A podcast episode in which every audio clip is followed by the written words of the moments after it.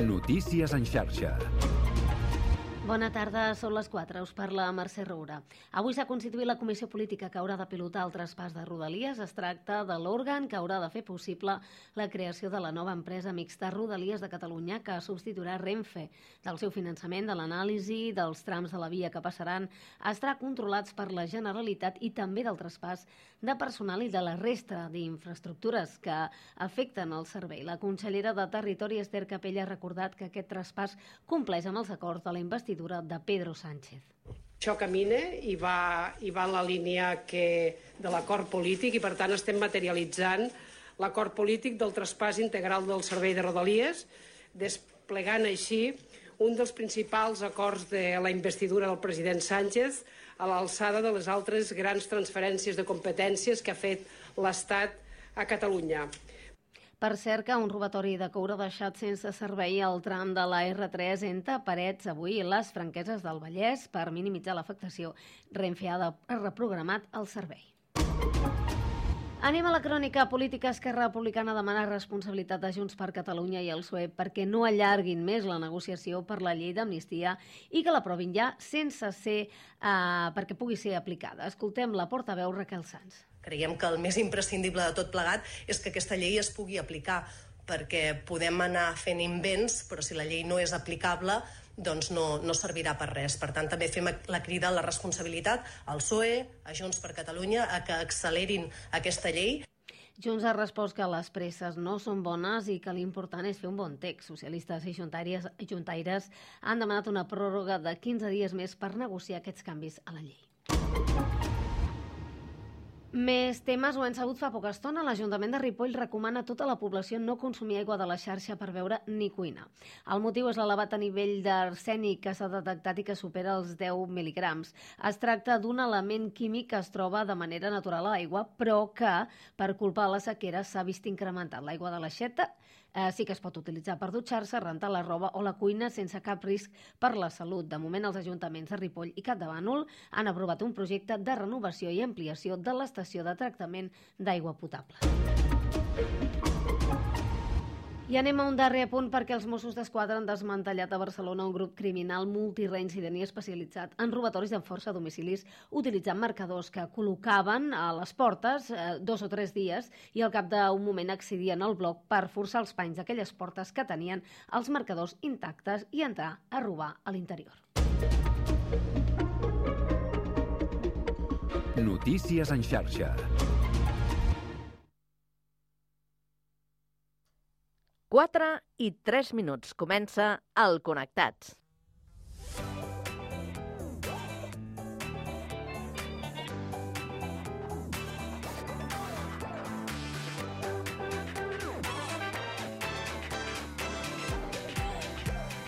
Connectats amb Carme Reversa.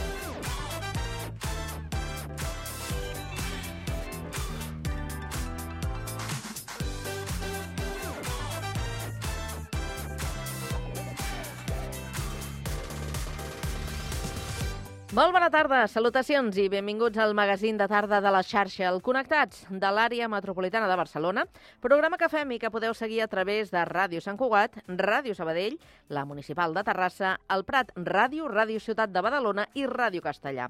Una salutació de tot l'equip, conduït a la part tècnica per Pablo Palenzuela, Sami Fernández a la producció i d'aquí us parla Carme Reverte. Avui és dilluns, 19 de febrer, i volem saber quin temps ens espera aquesta tarda. Lluís Mi Pérez. Un aspecte molt emblanquinat al cel. De fet, encara tenim molts núvols prims, som completament esquifits, no som preludi de canvi de situació i, per tant, de cap mena de pluja, però sí que al llarg de les immediates hores ens anirà deixant un sol una mica balat i bàsicament aquests núvols el que faran és decorar el sol i permetran igualment que pugui pujar la temperatura. Per tant, la tarda acabarà sent una altra vegada molt suau. De fet, ja ho és a hores d'ara, però estarem parlant que màximes de 20-22 graus tornaran a sovintejar al llarg d'aquesta tarda, sobretot a les comarques de la costa, del prelitoral i de Girona. Allà, cap a l'Empordà, amb més vent de tramuntana, al igual que una mica de vent de dalt, fins a aquesta mitja tarda cap a les comarques de l'Ebre. Després anirà girant cap al sud aquest vent. En vista el dimarts, una situació també molt emblanquinada, només al matí alguns núvols enganxats a la costa barcelonina i demà la temperatura fins i tot té ganes de pujar més que avui. Us seguirem a la xarxa.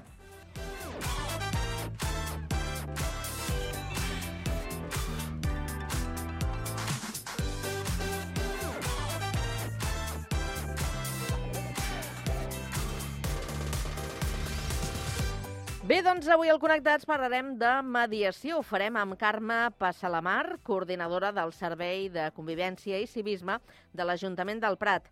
Acabarem aquesta primera hora amb la tertúlia esportiva per analitzar l'última jornada de primera divisió de futbol, la derrota del Barça de bàsquet a la Copa del Rei i el fenomen de la lluita, l'anomenat Matador Topúria. A partir de les 5 coneixerem la fotògrafa castellarenca Sandra Galera. Continuarem amb l'empresa per descobrir la firma Muixo Cosmètics de la santcugatenca Leire Irigaray. Acabarem amb cultura i la presentació del llibre de la pretenca Alba Sabater. La meva història és la història d'un amor. Tot això i més, des d'ara i fins a les 6 de la tarda, a la vostra emissora local. Connectats? Comencem!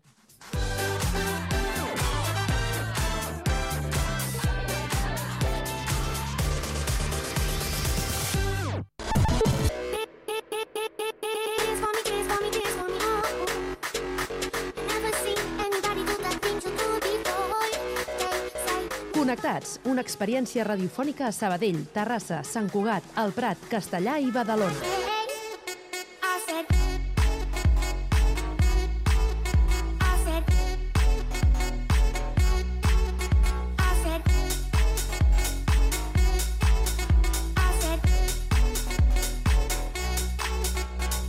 Connectats amb Carme Reverte.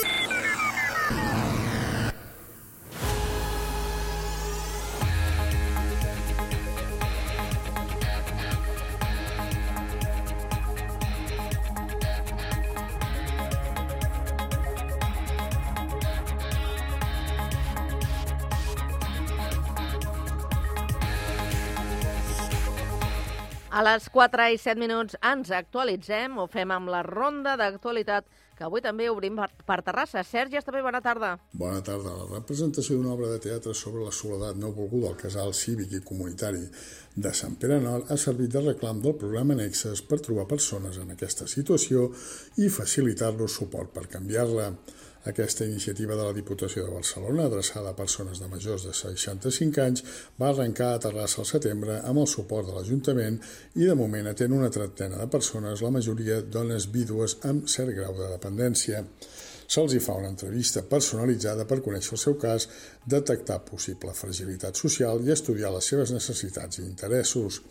Amb aquesta informació s'estableix un pla de suport personalitzat i també se'ls informa dels recursos al seu abast i de les possibles activitats en les que poden participar i conèixer gent per crear així una xarxa de suport. Molts casos els hi arriben derivats del centre d'atenció primària i de diferents àrees municipals, com les de gent gran, serveis socials i promoció de l'autonomia personal. El més important, però, és que la persona reconegui què li està passant. Qui es vulgui posar en contacte amb el programa pot trucar a l'Oficina d'Informació a la Gent Gran o adreçar-se al Centre Cívic Francesc Macià. Gràcies, Sergi. Seguim ara per l'actualitat de Sabadell. Pau Duran, bona tarda. Bona tarda. Les actuacions que el programa Gran Via Ripoll està fent a l'entorn de l'eix de circulació de Sabadell es mantenen. Actualment es treballa al carrer Quevedo, a Covadonga, al carrer del Sol, al centre, al carrer Riber, entre l'Avinguda Matadepera i el plaça d'Espanya, i el carrer Forrellat, entre plaça d'Espanya i la carretera de Prats. Tot plegat quan ja s'ha cobert la plaça ubicada entre els carrers Illa i Estació, al lateral de la Gran Via.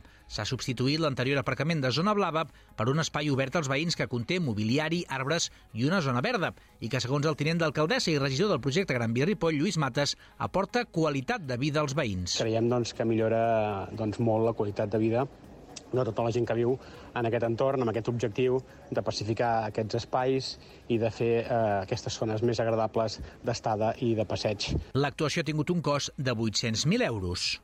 Gràcies, Pau. Seguim el repàs de l'actualitat ara des de Badalona. Santiago Espasa, bona tarda. Bona tarda, Carme. Doncs el govern local assegura haver avançat aquest cap de setmana en la redacció de l'acord amb la Generalitat per realitzar inspeccions tècniques a 420 habitatges del Raval. Es tracta de la primera entesa a la qual es va arribar entre amb dues administracions durant la reunió que van mantenir divendres. Ara l'Ajuntament de Badalona espera que el govern de la Generalitat respongui positivament signant l'acord i acceptant fer-se càrrec de la despesa. Tant l'alcalde de la ciutat, Xavier García Albiol, com el regidor d'Urbanisme, Daniel Gràcia, insisteixen que el temps juga en contra i que s'han d'inspeccionar els carrers del Canigó, Llafià i Ausias Marc. El conveni està avançat perquè no podien perdre un segon i durant el dissabte bueno, ja van haver-hi els primers esborranys, els primers mails per intentar tenir-ho en aquesta primera part de la setmana. El que li estem demanant sobretot és que duï a terme el que és una competència mm, que té la Generalitat de Catalunya, que és la inspecció d'aquests eh, blocs de vivendes. Precisament els veïns dels 420 habitatges de l'àrea de l'esfondrament esperen l'ajut de la Generalitat per poder rehabilitar els seus edificis en cas de trobar-se deficiències a les inspeccions. Segons l'Associació de Veïns del Raval, molts d'ells es veuran amb dificultats per assumir les despeses. Gràcies, Santiago. Seguim aquest repàs a l'actualitat des del Prat de Llobregat. Rocío Santa Eufèmia, bona tarda. Bona tarda. El Cèntric Espai Cultural acull aquest vespre una xerrada amb expertes en l'àmbit de la salut per parlar sobre els perills de la contaminació a l'àrea metropolitana de Barcelona Barcelona, i és que és un fet científic que l'increment de la pol·lució atmosfèrica té una relació causal amb l'increment de malalties greus, especialment respiratòries i també cardiovasculars, com ictus o infarts. La xerrada serà a càrrec de Caroline Daher, coordinadora de la Iniciativa de Planificació Urbà, Medi Ambient i Salut d'IS Global, i Anna Ramos, investigadora predoctoral d'IS Global. A la ponència s'exploraran els efectes de la contaminació al nostre entorn i les possibles solucions accions per millorar la qualitat de l'aire i de retruc la salut de la ciutadania, entre elles l'aplicació de les zones de baixes emissions, com la que entrarà en vigor al Prat de Llobregat aquest mateix any. La xerrada arrencarà a les 7 de la tarda a la sala d'actes del Cèntric Espai Cultural. Gràcies, Rocío. Deixem ara el litoral i tornem al Vallès, concretament a Castellà. Guillem Plans, bona tarda. Bona tarda. La Copla Ciutat de Girona i Mireia Feliu van homenatjar dissabte passat a l'Auditori Municipal Miquel Pont la popular cantant ja desapareguda Núria Feliu. El concert va comptar amb dues parts diferenciades. La primera, amb un repertori de sardanes que Feliu estimava molt. Algunes de les peces van ser interpretades per la Copla, instrumentals, mentre que d'altres van acompanyar-se de la veu de Mireia Feliu, neboda de la cantant de Sants. Entre cançó i cançó, el director de l'orquestra, Esteve Molero, va aprofitar aprofitar per explicar alguns apunts biogràfics de la cantant, fent al·lusió a com n'era de popular, generosa i amant del gènere sardanístic. Més enllà de ser cantant, també va ser una persona molt popular que d'una banda va escollir el català per cantar en una època en què això no era habitual i de l'altra perquè va difondre gèneres com el couplet, la sardana, els boleros, amb un estil únic que la va caracteritzar durant tota la seva vida. Gràcies, Guillem. I abans d'acabar un repàs a l'actualitat de Sant Cugat per destacar que Cristina Mur és la nova directora de Cugat Mèdia i en una entrevista al mitjà explica les línies estratègiques del seu projecte pel mitjà públic de la ciutat, on viu i de la qual està molt vinculada al seu teixit cultural. Mur parla d'apostar per la profunditat periodística, la innovació amb noves narratives, però amb un peu ancorat a allò que fem des de fa més de 40 anys, que és la ràdio. Per això aposta per potenciar potenciar la producció radiofònica sense renunciar a cap altre canal que confirma l'actual mitjà. Confesso que tinc una devoció romàntica per la ràdio perquè és un mitjà amb el que he crescut i, i que escolto a diari en diferents formats i crec que l'hem de potenciar perquè és l'origen del mitjà i també el nostre diferencial. Però no faig cap renúncia. La nova directora també ha explicat com podrà importar la seva recent experiència en comunicació corporativa i de marca a Cugat Mèdia.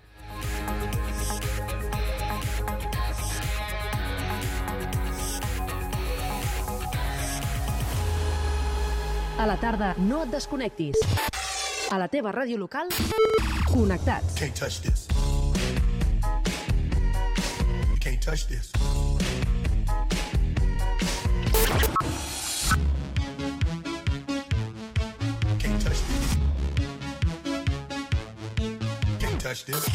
Connectats amb Carme Reverte.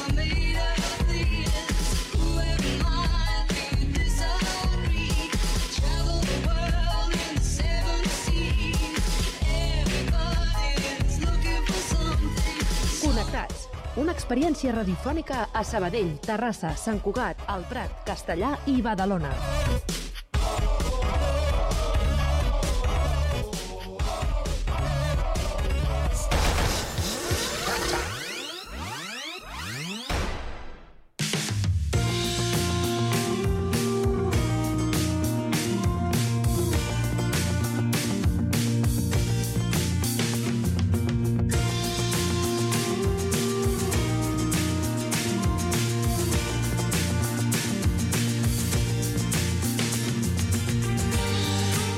El Servei de Mediació de l'Ajuntament del Prat ha atès eh, més de 4.000 casos i 8.000 persones, amb més de 25 anys d'història. De fet, aquest servei, pioner a l'Estat, ha esdevingut un referent en aquest tipus de mediació. Marxem fins a les cases d'en Puig, al Prat de Llobregat, on s'ubica aquest servei. Allà hi tenim ja a punt el Víctor Asensio. Bona tarda. Bona tarda, Carme. Tot plegat fa que l'equip del Servei de Mediació atengui uns 250 casos l'any que inclouen des de problemàtiques familiars fins a molèsties veïnals, però també accions de conscienciació davant infraccions, la mediació reparadora. Per saber-ne més, saludem la Carme Passalamar Pons, coordinadora de Convivència i Civisme de l'Ajuntament del Prat. Bona tarda. Bona tarda. Explica'ns eh, què serveix, per què serveix el Servei de Mediació Ciutadana i Comunitària. Bé, el Servei de Mediació Ciutadana i Comunitària eh, serveix perquè en qualsevol situació de conflicte relacional una persona, un ciutadà o ciutadana del Prat, una entitat, una associació, pugui venir a ser escoltat i a poder acompanyar-lo per la millora de la situació en què es troba, d'aquest malestar. Quantes persones sou aquí al servei per resoldre aquest tipus de situacions? Bé, actualment som tres persones. Abans de parlar de les tipologies de conflictes, explica'ns eh, qui és i què fa la persona mediadora. Bé, la persona mediadora principalment el que fa és acollir a la persona que manifesta aquest malestar, escoltar-lo des d'una escolta activa, donar-li un espai de seguretat on, on se senti acompanyat i després, a partir d'aquesta escolta i de fer una mica una exploració de la situació en què es troba, doncs també participa per facilitar les eines per tal que la situació pugui millorar. Per tant, acompanya, escolta i acull parlem de que això no és un, un servei que el que vulgui és resoldre d'una forma unànima un sol conflicte, sinó arribar a un acord, arribar a un enteniment, almenys escoltar-se i fer, ser un punt de partida no?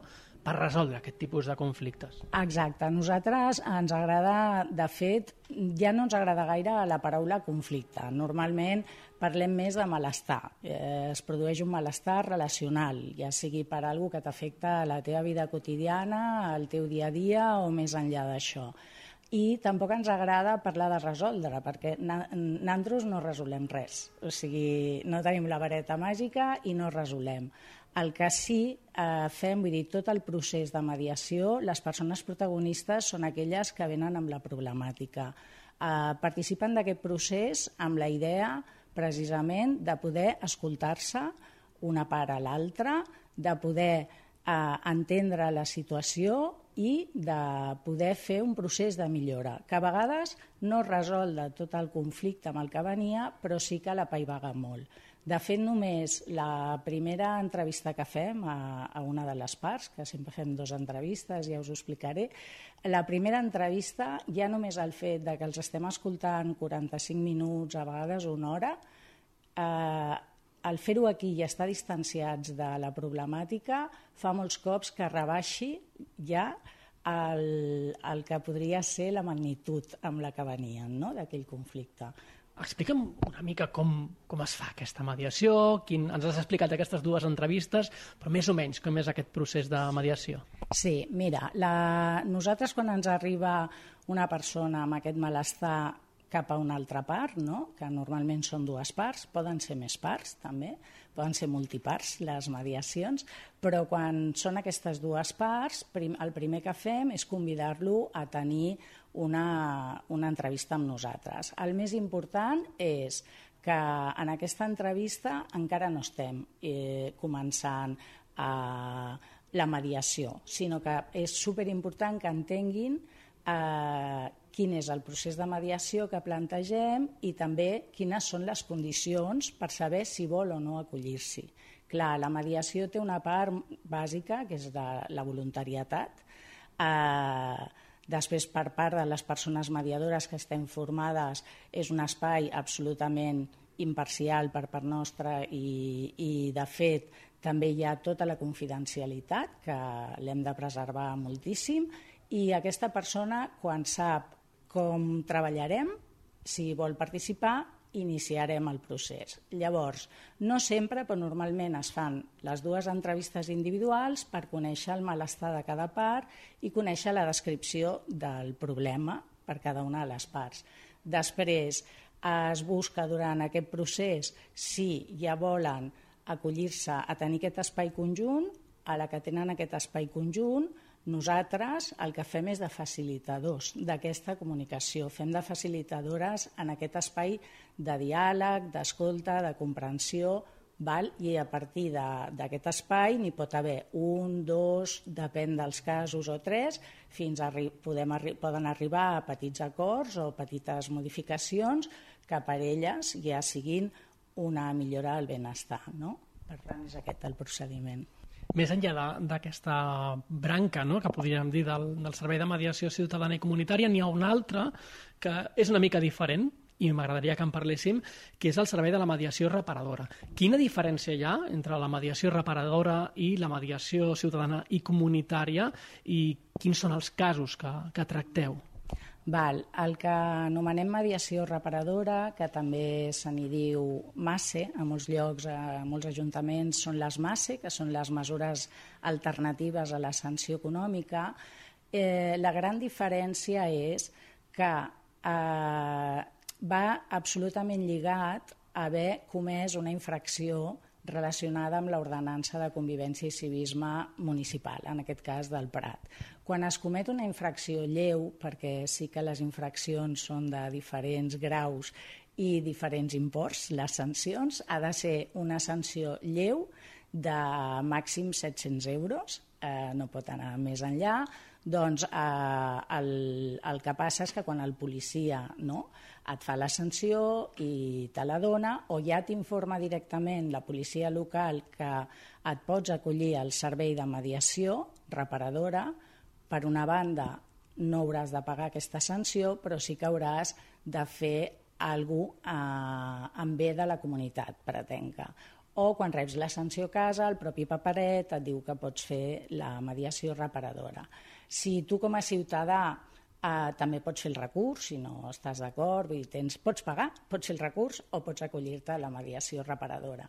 Si tu et vols acollir la mediació reparadora, has de fer una instància a la OIH, conforme ens expliques molt breument els fets, i eh, demanes acollir-te al servei. Aleshores, a partir d'aquí, nosaltres ens posem en contacte amb aquesta persona, fem una sessió informativa una mica el mateix que et deia abans, el que passa que aquesta persona sí que no és tant que ha tingut un problema amb un altre, sinó que ha fet un acte incívic que repercuteix eh, en pagar una multa. Llavors aquesta persona ve per, per, per no pagar, però molts cops no sap on ve. Llavors la informativa és explicar-li qui som, què fem aquí, com podem treballar eh, aquest tema que ha passat amb tu. No? Ah, llavors ho treballem des de dos vessants. No? Hi ha la vessant de la responsabilització, és a dir, hi ha d'haver una acceptació dels fets, és a dir, sí, jo aquell dia no vaig recollir la caca del meu gos i, i va ser així, una acceptació del fet, que és una responsabilització, després un procés més educatiu, és a dir, que parlem ja de fer un procés més educatiu i de transformació per no reincidir no, en aquesta en aquesta infracció i després el que parlem és quines motivacions personals tens tu, que no té per què anar lligat a la infracció que has comès, en relació a la teva ciutat on puguis col·laborar per mm, bueno, aportar aquest benefici comunitari, no? que és una manera de reparar. Llavors treballem amb entitats, amb serveis on es pot fer aquesta reparació i en fem el seguiment quin tipus d'accions, més o menys, eh, hi ha eh, per intentar doncs, eh, ser conscient també, no? que també és al final una mica l'objectiu, més enllà d'estalviar-te la multa, eh, que són 700 euros, doncs poden ser molts calés, però més enllà d'això, um, quines són no? aquestes uh, possibles uh, accions que es poden fer també per conscienciar? Imagino que també van molt lligades al tipus d'infracció. No sé si en aquest sentit uh, poden ajudar aquest tipus d'accions a conscienciar de que no s'ha de repetir o, o que potser s'ha de canviar algun hàbit. Bé, aquí hi hauria dos, dos qüestions que, en plan, que ens planteges. No? Una és, En el nostre cas, eh, Ajuntament del Prat, la reparació no té per què anar lligada al fet. Uh, bé, no dona temps a explicar els motius, però molt genèricament, no? És a dir, no tindríem tants serveis on poder reparar, doncs, per exemple, un tema relacionat amb la tinença responsable d'animals, doncs ens agradaria que fes alguna treballant amb animals i potser no tenim aquell recurs en aquell moment. O un tema de grafitis, que anés a netejar grafitis, doncs potser tampoc tenim el recurs en aquell moment. Llavors partim més una de la motivació personal, però perquè d'alguna manera aquella persona acaba coneguent eh, per exemple, no? pues a mi m'agrada eh, treballar amb gent gran o, o, o treballar, m'agrada la relació amb persones grans. Podem oferir-li un recurs amb persones grans i a partir d'aquí eh, pot després tenir un lligam amb aquesta associació. No? Ens has avançat una mica, però m'agradaria saber quin tipus de, de quina tipologia d'infraccions és la més freqüent o, o que rebeu aquí normalment. A veure, rebem les que arriben, eh? això sí que no ho triem, però sí que les més freqüents tenen a veure amb eh, trepitjar zones protegides, molt pel desconeixement, és a dir, el Prat, tota la zona de platja i té zones protegides per espècies autòctones i de més que recullen les ordenances. Llavors hi ha població del Prat, però sobretot de fora del Prat, que ve a fer un passeig, veu que és molt bonic i comença a passejar per allà i li cau la sanció. Aquesta és una que en portem ara 4 o 5, és a dir, que sí. I l'altra és, la, és el tema de les mascotes, sí serien les més, les més freqüents i algunes, algunes de sorolls també serien com les tres més freqüents. Has comentat alguna cosa, imagino, de, de grafitis també, no? que, que també podria estar aquí eh, inclòs. Eh, M'ha sorprès això que m'has dit, de gent de fora del Prat. Um, hi ha gent que és de fora del Prat que s'acull aquest servei de, de mediació, és a dir, no està tancat a gent del Prat.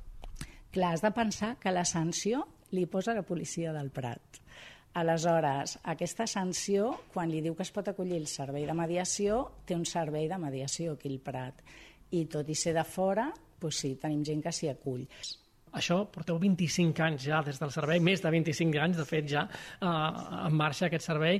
Quina valoració en feu de tot plegat, de la satisfacció de les persones, però també, permet-me que, que, que, us, que us podeu posar una mica també al centre, vosaltres com a mediadors i mediadores, quin, quina satisfacció teniu amb aquest servei? Imagino que també a vegades eh, teniu moments allò macos, eh, d'arribar a, a punts on veieu que una cosa que estava estancada se soluciona o almenys arriba a bon port. Eh, quina valoració feu en general de, del servei de mediació? Sí, el servei ara ja anirà pel 27 anys, no som els mateixos, vull dir, les persones es fan grans, es jubilen i, i anem renovant, però sí que, bueno, per una banda, eh, dir-vos que, de fet, eh, la mediació et dona moltes i moltes eh, satisfaccions professionals, no?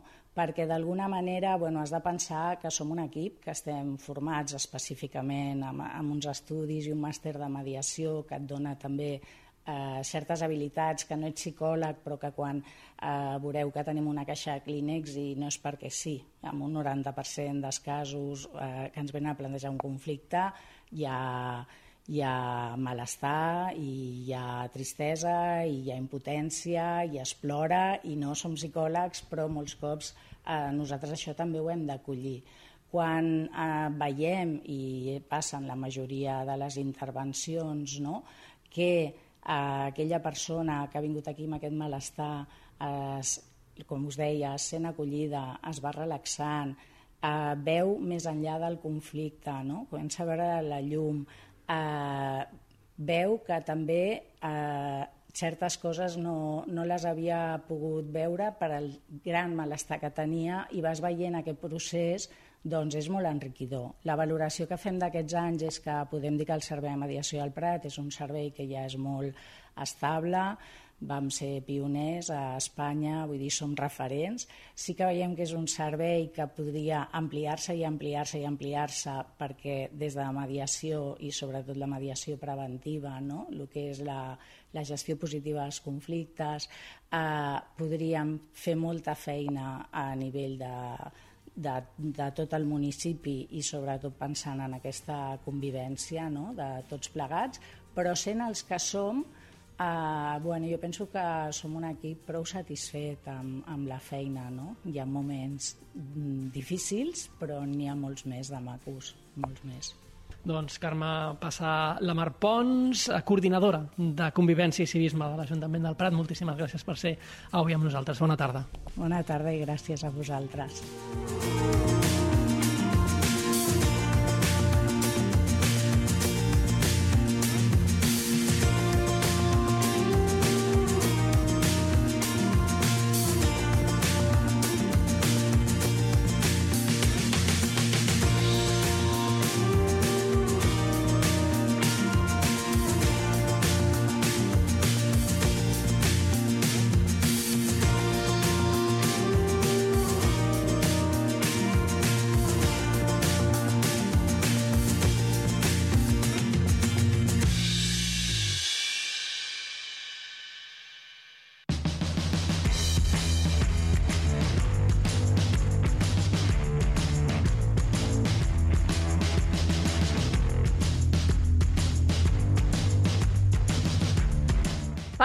De dos quarts de cinc de la tarda i ens hi posem molt ràpidament a la tertúlia esportiva dels eh, dilluns. Anem a saludar els tertulians. Eh, Joan Riera, entrenador, avui a l'estudi de, de Ràdio Sant Cugat. Què tal, Joan? Bona tarda. Tarda tu, de tupinassos. tarda de tupinassos. Després ens ho expliques. Raül Chao, periodista a l'estudi de Sabadell. Què tal? Bona tarda. Hola, Carme, molt bé. Aquí a Sabadell ja comença a sortir el sol i ja estem molt contents. Ja, ja, aquesta setmana ha anat bé, no, també? Molt bé, molt bé. Ja per fi, després de quatre mesos, hem sortit del pou i ara a mantenir-se i anar cap amunt. Doncs vinga, continua apretant. A Terrassa tenim el Miqui Romagosa, redactor d'Esports de la Ràdio Municipal de Terrassa. Miqui, què tal? Bona tarda. Què tal, Carme? Molt bona tarda. Aquí surt el sol, però... També hi ha núvols. Per Antequera, per Antequera, em sembla que surt, perquè aquí, aquí la cosa està complicada, però no, fa un dia avui de... Suposo que semblant a Sabadell, eh? Fa un dia avui d'estiu, calorós i, i Déu-n'hi-do. Mhm. Menys per estar treballant, eh, jo crec que fa un dia per tot. Ja, ja. Però futbolísticament, eh, aquesta setmana eh, les coses no han anat... Eh, no han anat bé i esteu ara en posició de... És de promoció o de descens? Sí, sí. Promoció per la permanència. Això mm. és un... Recordem que dels, dels grups que hi ha de segona federació, doncs els dos equips amb pitjor classificació juguen un play-out i el que perdi d'aquesta eliminatòria doncs baixa a tercera federació. Per tant, doncs ahir que, que el Sant Andreu doncs, eh, va afiançar la cinquena posició i el Terrassa Mm. doncs, continua en aquesta zona de play-out, zona de perill. Bé, doncs encara queda feina per fer. Avui començarem parlant de, de bàsquet, d'aquesta Copa del Rei que s'ha disputat a, a Màlaga i que ja ha donat com a resultat un, eh, un campió, que és l'equip del Real Madrid. Eh, què hem de dir de, del Barça, que va arribar a la final, jo crec que amb més bones perspectives que no s'esperaven potser en un principi. Com va veure la, la final i com heu vist la- l'actuació la, d'aquest Barça al llarg de- d'aquesta fase final de la competició de, de la Copa del Rei? Què us ha semblat? Pri primerament, a mi la Copa em sembla crec que és el millor torneig que es fa a Espanya del llarg, és a dir, és un ambientàs durant, durant quatre dies, és a dir, Mm. des del dijous que comença. Uh, si ens centrem en el, en el Barça, jo crec que per, per mi ha sigut una sorpresa, és a dir, jo en a, a la meva porra jo posava a la final al Madrid davant l'Unicaja, no? perquè l'Unicaja recordem que va guanyar la se- la- l'any passat a Badalona, que jugava a casa, que té una plantilla uh, molt equilibrada tant al, en el joc interior com en el joc exterior, i la seva eliminatòria davant el Lenovo Tenerife va, va sorprendre, no? El Barça va començar davant el Baxi Manresa i el Baxi Manresa va competir molt bé, és a dir, l'equip de Pedro Martínez està fent una gran temporada i sobretot al final del partit es van quedar una mica sense, sense energies i això va aprofitar el Barça amb un, amb un gran, sobretot la, la, la tripleta de, durant, tot, durant tota la temporada, no? és a dir, la Provítola, Satoransky, Vesely i, i ara parlarem sobretot de Billy Hernán Gómez, que Billy Hernán Gómez és un jugador que et dona molts punts a nivell ofensiu, però és que al darrere en resta moltíssim, és a dir, el, el més menys de la final contra el Madrid va ser menys 15, que això és una barbaritat. I el Barça té un problema en els tirs lliures, és a dir, és el, crec que he llegit avui que era l'antepenúltima a l'Eurolliga, i a la Copa eh, ha sigut un desastre, és a dir, a la final no paraven de- d'errar. A mi el Barça el que Uh, ara amb, amb Ricky Rubio jo crec que tindran un, un generador increïble de primer nivell mundial i això jo crec que ha, ha de dotar de més passes i de més assistències a jugadors com, a, com Billy o com, o com Jabari Parker però a mi el que em, jo crec que el Barça on és més tou és el joc interior perquè Vesely sí que dona molt, però és que Billy al darrere pateix molt. I a nivell del 4 tens a Parker, que Parker sí que és un gran jugador, que està rendint jo crec que molt per sobre del que s'esperava d'ell, però falta un 4 de recanvi de, de nivell Barça. Mm. Què més? déu-n'hi-do, eh, l'anàlisi del Raül. Eh, tu, has, podem tu, marxar tots, ja. Eh? tu, has, tu has estudiat tot, eh, tio? Tu has estudiat tot, eh? Déu-n'hi-do, preparat- sí, sí, és sí, per, sí. eh, de, de nou, eh? De nou, ja. Sí, sí, gràcies i bona tarda. O sigui, ja Jo només una cosa, si em permets, per reforçar-ho. Ai, tus cojones al Madrid. Ho sento, Hola. tu pinazo, tu pinazo. Van guanyar per fortalesa mental, física, No cal que piquis a taula, perdó, eh? i per il·lusió de guanyar. Ah, pensava que, era, que no cal que No. digués aquesta paraula. No, no, no, no. I, no. i, i per il·lusió de guanyar. El Madrid, fixa-t'hi bé, en futbol, en bàsquet, tenen il·lusió de guanyar fins al final. Peti el que peti. Diguem el que diguem, però sempre volen guanyar. I aquest partit el va guanyar la fortalesa mental dels jugadors. Mira els jugadors, sobretot les bestiotes que tenen de jugadors, com s'agradien entre ells i amb el públic, com, com saltaven tots aquella gent que tenen de, de fora, amb quina fortalesa, amb quina il·lusió, i això és el que val psicològicament, perquè el Barça de, de tiros, de, de, de tirs ho fallen, fallen molt, i el Madrid no falla res. Hasta l'últim tir que va fer l'argentí, de 3, que va tirar per tirar, la va, la va, fer, la va de dintre, ho tu pel, pel disbarat, la va de dintre, ho dic amb, amb, amb, amb, amb, actitud de, de, de soberbia en l'aspecte que el Madrid té una soberbia que no tenim nosaltres, el Barça. Però el Barça va estar competint eh, ben bé durant tot el partit eh, fins a arribar a l'últim quart. A l'últim quart eh, el Madrid eh, els, va, els, els va destorotar, eh? se'ls va, se va menjar. És que, Eh, una, digues. un apunt sobre això de l'últim quart, que a mi jo, jo no ho havia vist mai, que sí era una cosa típica que es feia als anys 80 i als anys 90, que era la poca rotació que va fer l'equip de Xus Mateo, és a dir, uh, fins als últims 3 minuts només hi havia fet un canvi, que era el de Poirier, per Tavares, que Tavares tenia tres faltes i aleshores entra l'altre pivot. Fins a aquest moment no fan cap canvi, és a dir, estan jugant tot el part, tota la segona meitat els mateixos jugadors. Recordem, per exemple, que Sonja, que és exjugador del Barça, havia fet en 7 minuts 12 punts i no juga res en la segona meitat. Aleshores, per mi això va ser una de les coses més destacables i a la, i a la vegada sorpreses, no? És a dir, perquè jo imagino el Barça que està fent rotacions i dic, ostres, si encara està jugant Dec, encara està jugant Campazzo, encara està jugant Musa, i aleshores a mi això va ser un, un factor que em, que em va sorprendre. Mm -hmm. Eh, va ser, per tant, el tema de l'arbitratge del que s'estaven queixant tant el tècnic del Barça com alguns jugadors, Miqui? No, jo crec que no. Jo crec que va ser doncs, uh, una mica la, la tendència que estem uh, darrerament veient amb, amb el bàsquet i amb els enfrontaments que hi ha entre el Madrid i el Barça. No? Uh, jo crec que el Madrid ha estat capaç de, de donar la volta a una situació que era molt complicada amb la sortida de Pablo Lasso, que va ser molt traumàtica, uh, i amb l'arribada de, o, o millor dit, la continuïtat no? de, del seu segon, de Xus Mateo. Um, crec que el, el Madrid havia entrat en, en, en una situació de molts dubtes uh, i de, de pressió total, i el Barça doncs, semblava que, que, que el camí era força ras, no? perquè amb Jessique Vicius, al principi el projecte de Jessique Vicius doncs, semblava que, que, que seria un projecte guanyador, uh, va acabar de la manera que va acabar, i ara amb Roger Grimau, doncs, després de, de començar amb moltíssims dubtes i fins i tot doncs, està a la corda fluixa, ara que s'havia una mica recuperat, doncs jo crec que, que ara mateix el, el Barça està en una situació amb la qual eh, de cada 100 partits que jugui amb el Madrid en perdrà 99, perquè ja és un tema ja és un tema mental i el Madrid doncs, sembla que, que afronta millor les finals. No? Jo crec que va ser un dels partits més complets de, de tota la competició i per cert, a l'art del que deia el Raül, estic molt d'acord que jo crec que fins i tot la Copa, la Copa de, del rei de, de bàsquet està per sobre de, de moltes competicions i fins i tot a la Lliga CB. Una, és, una bona, és, és una bona competició que, com apuntava abans el Raül, dona vida allà on s'organitza, eh, crea un, un estat de festa, de, de celebració, eh, amb aquesta convivència de, dels propis equips que, que competeixen durant aquells eh, dies i que comparteix la ciutat. Tenim el cas de Badalona. Eh, i, i ara hem vist el cas també de, de Màlaga, o sigui que és, és una competició que, que realment doncs, fa, fa, fa, fa esport, fa esport, no? És una llàstima que això en el futbol, per exemple, uh, no es pugui viure, no? Uh, amb la recent Supercopa, no? que, que se l'emporten a 50.000 països.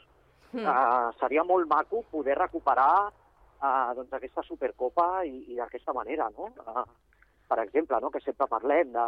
I fer- i fer la ronda, competició. Correcte, jo crec que no hi hauria cap problema Mhm. entre les aficions, s'ha demostrat, o sigui que... I al final el que has de cuidar és l'afició de casa, perquè si t'emportes, doncs, uh, si t'ho emportes fora, el menys respectat és l'aficionat, com sempre. Ja, però com ara trien entre, entre els diners i, i l'afició, doncs Clar. eh, està claríssim. Està claríssim. La pela és la pela. Sí, i tant. No, ara són dòlars. Bueno, dòlars i, El i petro, euros. petrodòlars, petros. els petrodòlars. Doncs hem entès amb l'adjectiu, la pela és la pela. Sí. Eh, anem ara sí al, al futbol i anem a passar eh, per l'última jornada de, de Lliga que dona una mica d'emoció. No? La setmana passada pràcticament que donaven per sentenciada la, la competició i jo no sé si ara li podem donar una miqueta més de, de vida després de l'empat del Real Madrid. Un Girona que avui encara ha de competir, té 3 punts en joc davant la- l'Atlètic de, de Bilbao a, a Sant Mamés i un Barça que, eh, malgrat el seu entrenador continuï explicant que l'equip millora, que veu que les coses eh, van sortint, eh, que veu bé l'equip i tot això, cosa que no sé eh, on, on ho veu, perquè o veiem partits diferents o no acabem de- d'entendre aquest eh, discurs.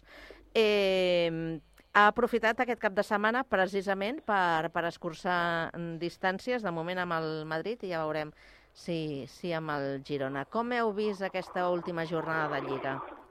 Jo crec que no hi ha lliga, és a dir, jo crec que el Barça, encara que va guanyar l'últim minut de, de penal, la imatge... Jo no vaig veure tot el partit, és a dir, perquè jo estava jugant al Sabadell, No et vas perdre hora. res, eh? ja t'ho dic.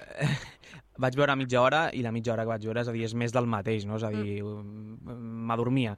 Aleshores, jo crec que no hi ha lliga. I el, el que més em, em sorprèn de tot, és a dir, és que veig a Xavi molt superat, és a dir, el que diu després a roda de premsa em sembla més propi d'un personatge de Cracòvia que d'un entrenador, és a dir... I a, I a mi això em fa ràbia perquè Xavi per mi és el millor jugador espanyol de, de tots els temps i això jo crec que no s'ho mereix i jo crec que tot li ha superat. Uh, si parlem del partit d'avui, avui el Girona té, mm, podríem dir que una final, uh, entre cometes. Si Mm. avui guanya el Girona a l'Atlètic, uh, l'elimina per la lluita per la Champions i té plaça Champions gairebé assegurada. I això, i a més, es fa a Sant Mamés, és a dir, a la catedral. És a dir, avui és un partit top i a més es donen obert, així que tothom el pot veure i és un partidàs. I després el Madrid, jo crec que el Madrid estava pensant que estava tornant de- de- d'Alemanya de, després de, de guanyar el Leipzig a, a Champions, perquè el partit vaig veure un tros i em vaig adormir de debò, és a dir, que el partit va ser molt, molt avorrit, ni, ni, ni Vinícius ni res, és a dir, va ser bastant avorrit durant tot el partit i jo crec que el Madrid va dir, mira, sé si hem de palmar o, o si hem de perdre o, o empatar que sigui avui, que després tenim tres setmanes per... que no tenim partit entre setmana, que això és molt important, i veurem, però, per exemple, aquesta setmana el Barça juga... Bueno, és el que deien, no? El Xavi el seu futur. Si a dimecres contra el Nàpols no treus un bon resultat, no sé si aguantarà fins dissabte a Getafe. Uh, uh. Jo em preocuparia més, jo crec que a Nàpoles, eh, tot i estar a favor del tot el que has dit, a Nàpoles crec que pot donar la sorpresa, no sé quina, el problema és quan, venir, quan venen a Montjuïc, que a Montjuïc això de ser olímpic doncs ja els hi va l'Olimpiada, a, tots, a tots els contraris. Som els olímpicos tots.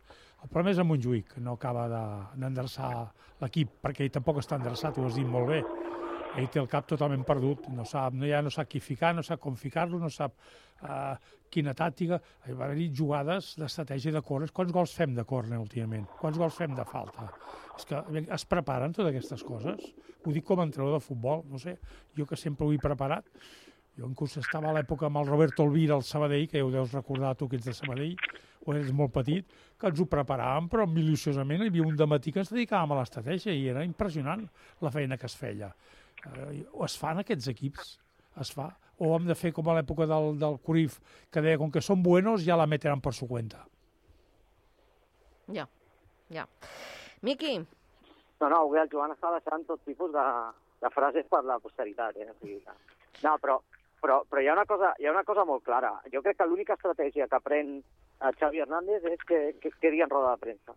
Jo crec que és l'única estratègia, perquè la resta doncs estem veient que, que sí, que està molt bé la frase de uh, doncs dir que, que l'equip ha millorat, que l'equip s'ha tret un pes de sobre amb la seva marxa. bueno, a l'equip s'ha tret una, un pes de sobre amb la seva marxa, llavors és un problema molt gran, perquè potser els jugadors uh, no confiaven tant en, en ell, no? I, i veuen doncs, que potser el seu futur és molt millor que, que fa uns mesos. I després, per altra banda, uh, el fluix nivell, el nivell tan fluix que, que tenim de futbol. Uh, jo crec que, que aquest any l'única alegria que, que està donant una mica la competició és el Girona, l'únic que està donant una mica de joc, una mica de, de, de jo crec que de, no sé, de, de, del que s'espera, l'intensitat, eh, la resta d'equips, la veritat és que a part de tallets estan aconseguint, estan aconseguint bons, bons resultats, però traient el Barça, eh, traient el Madrid el dia del Girona, jo crec que difícilment hi ha hagut partits macos aquesta temporada que no hagi participat al Girona, per exemple. Company, company, si em permets, eh, per reforçar-te o rebatre una mica això en positiu, eh? Sí. Estàs parlant eh, de, de, de, de resultats, estàs parlant del Xavi que sempre diu el mateix, el mateix frasejat, però quina millora hi ha? Cap. Llavors, i, I ara ve el segon. Va dir, diu que marxarà, i amb això de que marxarà, aviam, eh, què esperem? Què esperem d'aquí a juny? Què esperem? Què espera ell d'aquí a juny? Què espera l'afició? Què espera la Junta? Bueno, la Junta m'imagino que espera no pagar perquè no, no, no hi ha calés. això, per, això per descomptat.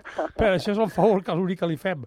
Però vull dir que em refereixo que, aviam, és que tu no li, jo com a entrenador de futbol no puc dir m'aniré a 30 de juny. Jo si m'he d'anar... És que jo me'n recordo tota la vida quan vaig anar a fitxar pel Tàrrega, que, havia, que, que vaig anar a fitxar pel Tàrrega a tercera divisió, era aquelles èpoques que em deien, em deien sí, va, vine aquest diumenge que si perdem fitxes.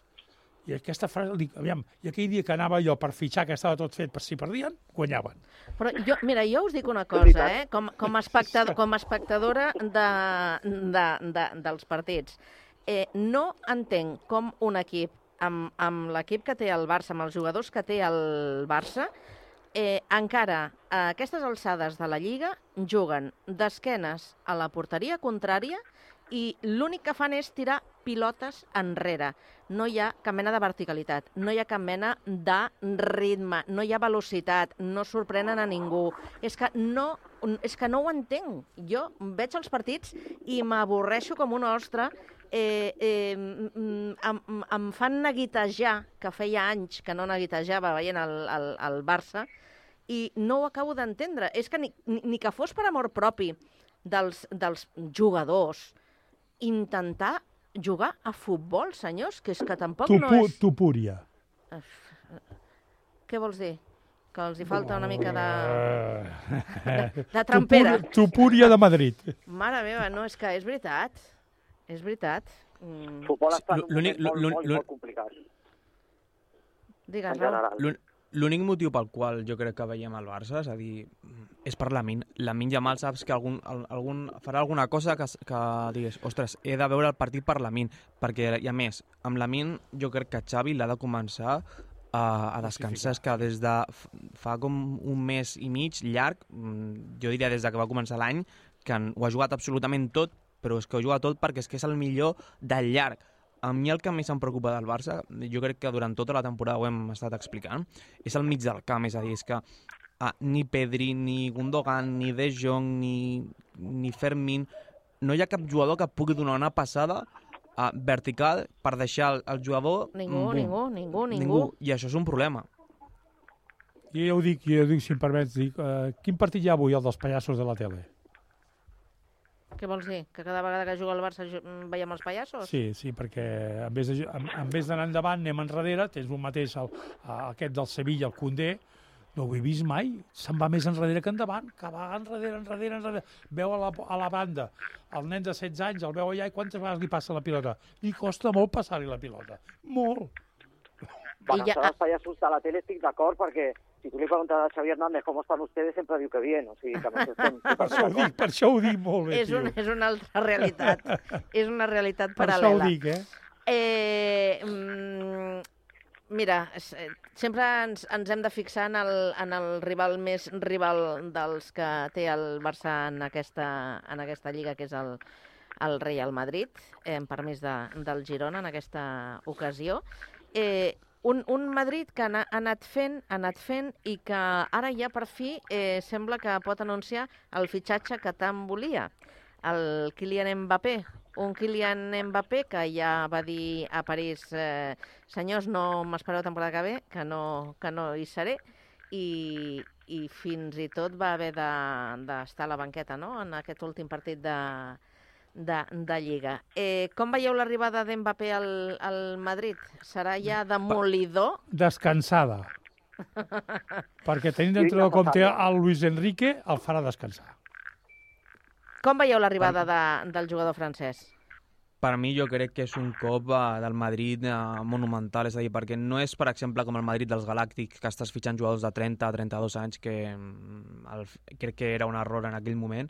Ara estàs fitxant el, el millor jugador del món que té 25 anys, juntament amb Bellingham, amb Vinicius, més jugadors al mig del camp que treballen moltíssim, que això jo crec que és una de les coses que li falta al Barça, un jugador com Valverde, com Camavinga, com Chouamani, més la defensa, és una plantilla molt jove i això és, és molt positiu. I per mi, el que està fent millor Florentino, que per mi això és el que hauria d'haver fet en el seu moment Bartomeu i ara la porta, és en els temes dels sous. És a dir, no hi ha cap jugador del Madrid que superi els 17 milions d'euros anuals ara amb Mbappé estaven, sobretot el que estaven dient la premsa, és a dir, el Madrid no vol que Mbappé cobri més que en tals jugadors perquè no volen tenir un problema en, en el nivell dels sous. Clar, té una prima de, de fitxatge perquè com arriba gratis i tal, però el que no volen és que cap jugador cobri per sou només 30 quilos, és a dir, és que això és una barbaritat i és inassumible a, a curt i a llarg termini. Mm. Més aportacions. Jo espero que, doncs que, que, aquest, que aquesta arribada d'Mbappé no sigui el que moltes vegades s'ha parlat, no? que, que en un equip quan hi ha moltes estrelles, no, uh, no sé, jo crec que el Madrid ho ha de planificar molt bé. Com arriba Mbappé, en quina situació arribarà, quin rol ha de tenir, perquè lògicament també podríem dir que el, que el Madrid pràcticament té un 11 ja fet, o té un 11 més o menys definit. Llavors, clar, la gran pregunta és qui ha de sortir perquè pugui arribar, perquè alguns jugadors o alguna, uh, algun jugador que, que diuen vaques sagrades haurà de marxar, no?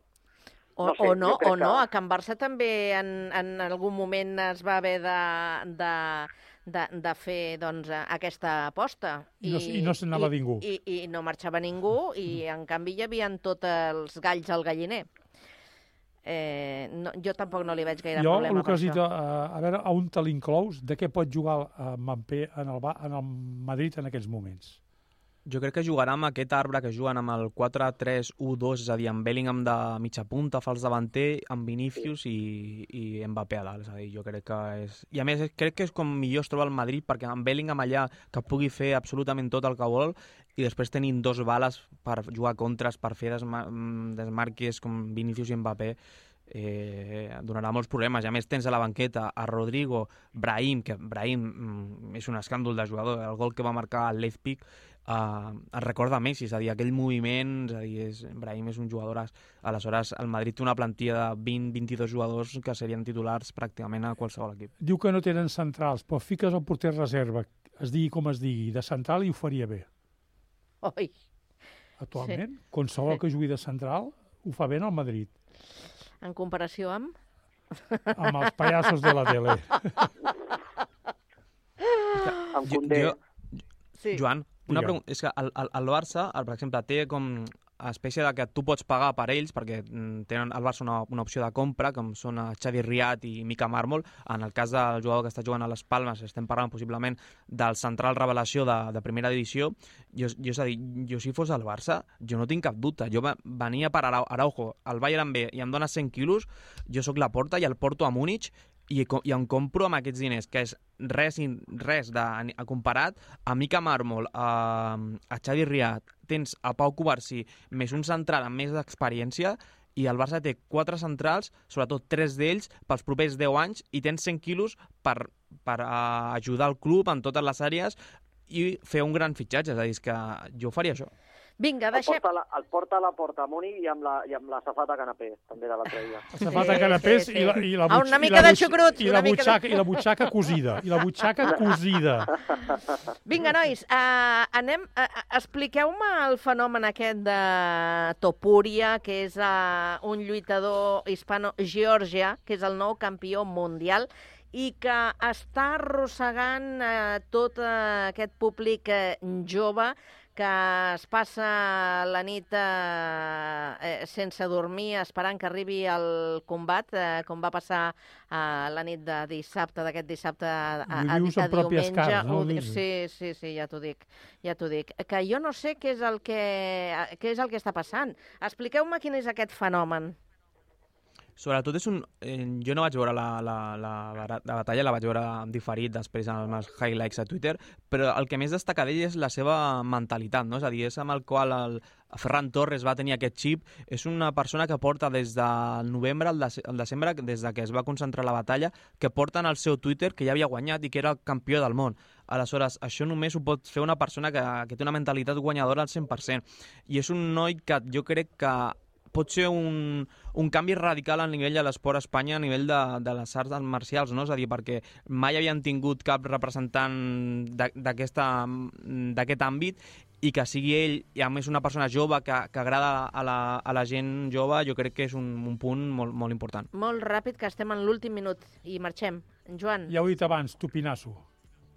tu també l'has vist, aquest noi, lluitar? Uh, L'he vist en diferit, uh, el meu fill me l'ha passat, que el va, el va gravar per, in per internet, amb Mm. aquests programes pirates. Eh, Miqui, vols afegir alguna cosa molt ràpid? Sí, que ja tenim el relleu de la King League. Es- El Piqué, el Piqué s'enfadarà. Se'l coneix com a matador i diu que el que vol és eh, omplir el Santiago Bernabéu i lluitar en directe. Ho hem de deixar aquí. Veurem si el- l'acabem veient aquí. Gràcies als tres, que tingueu molt bona setmana. Adéu-siau. Adéu. Adéu, companys. Bona setmana. Adéu.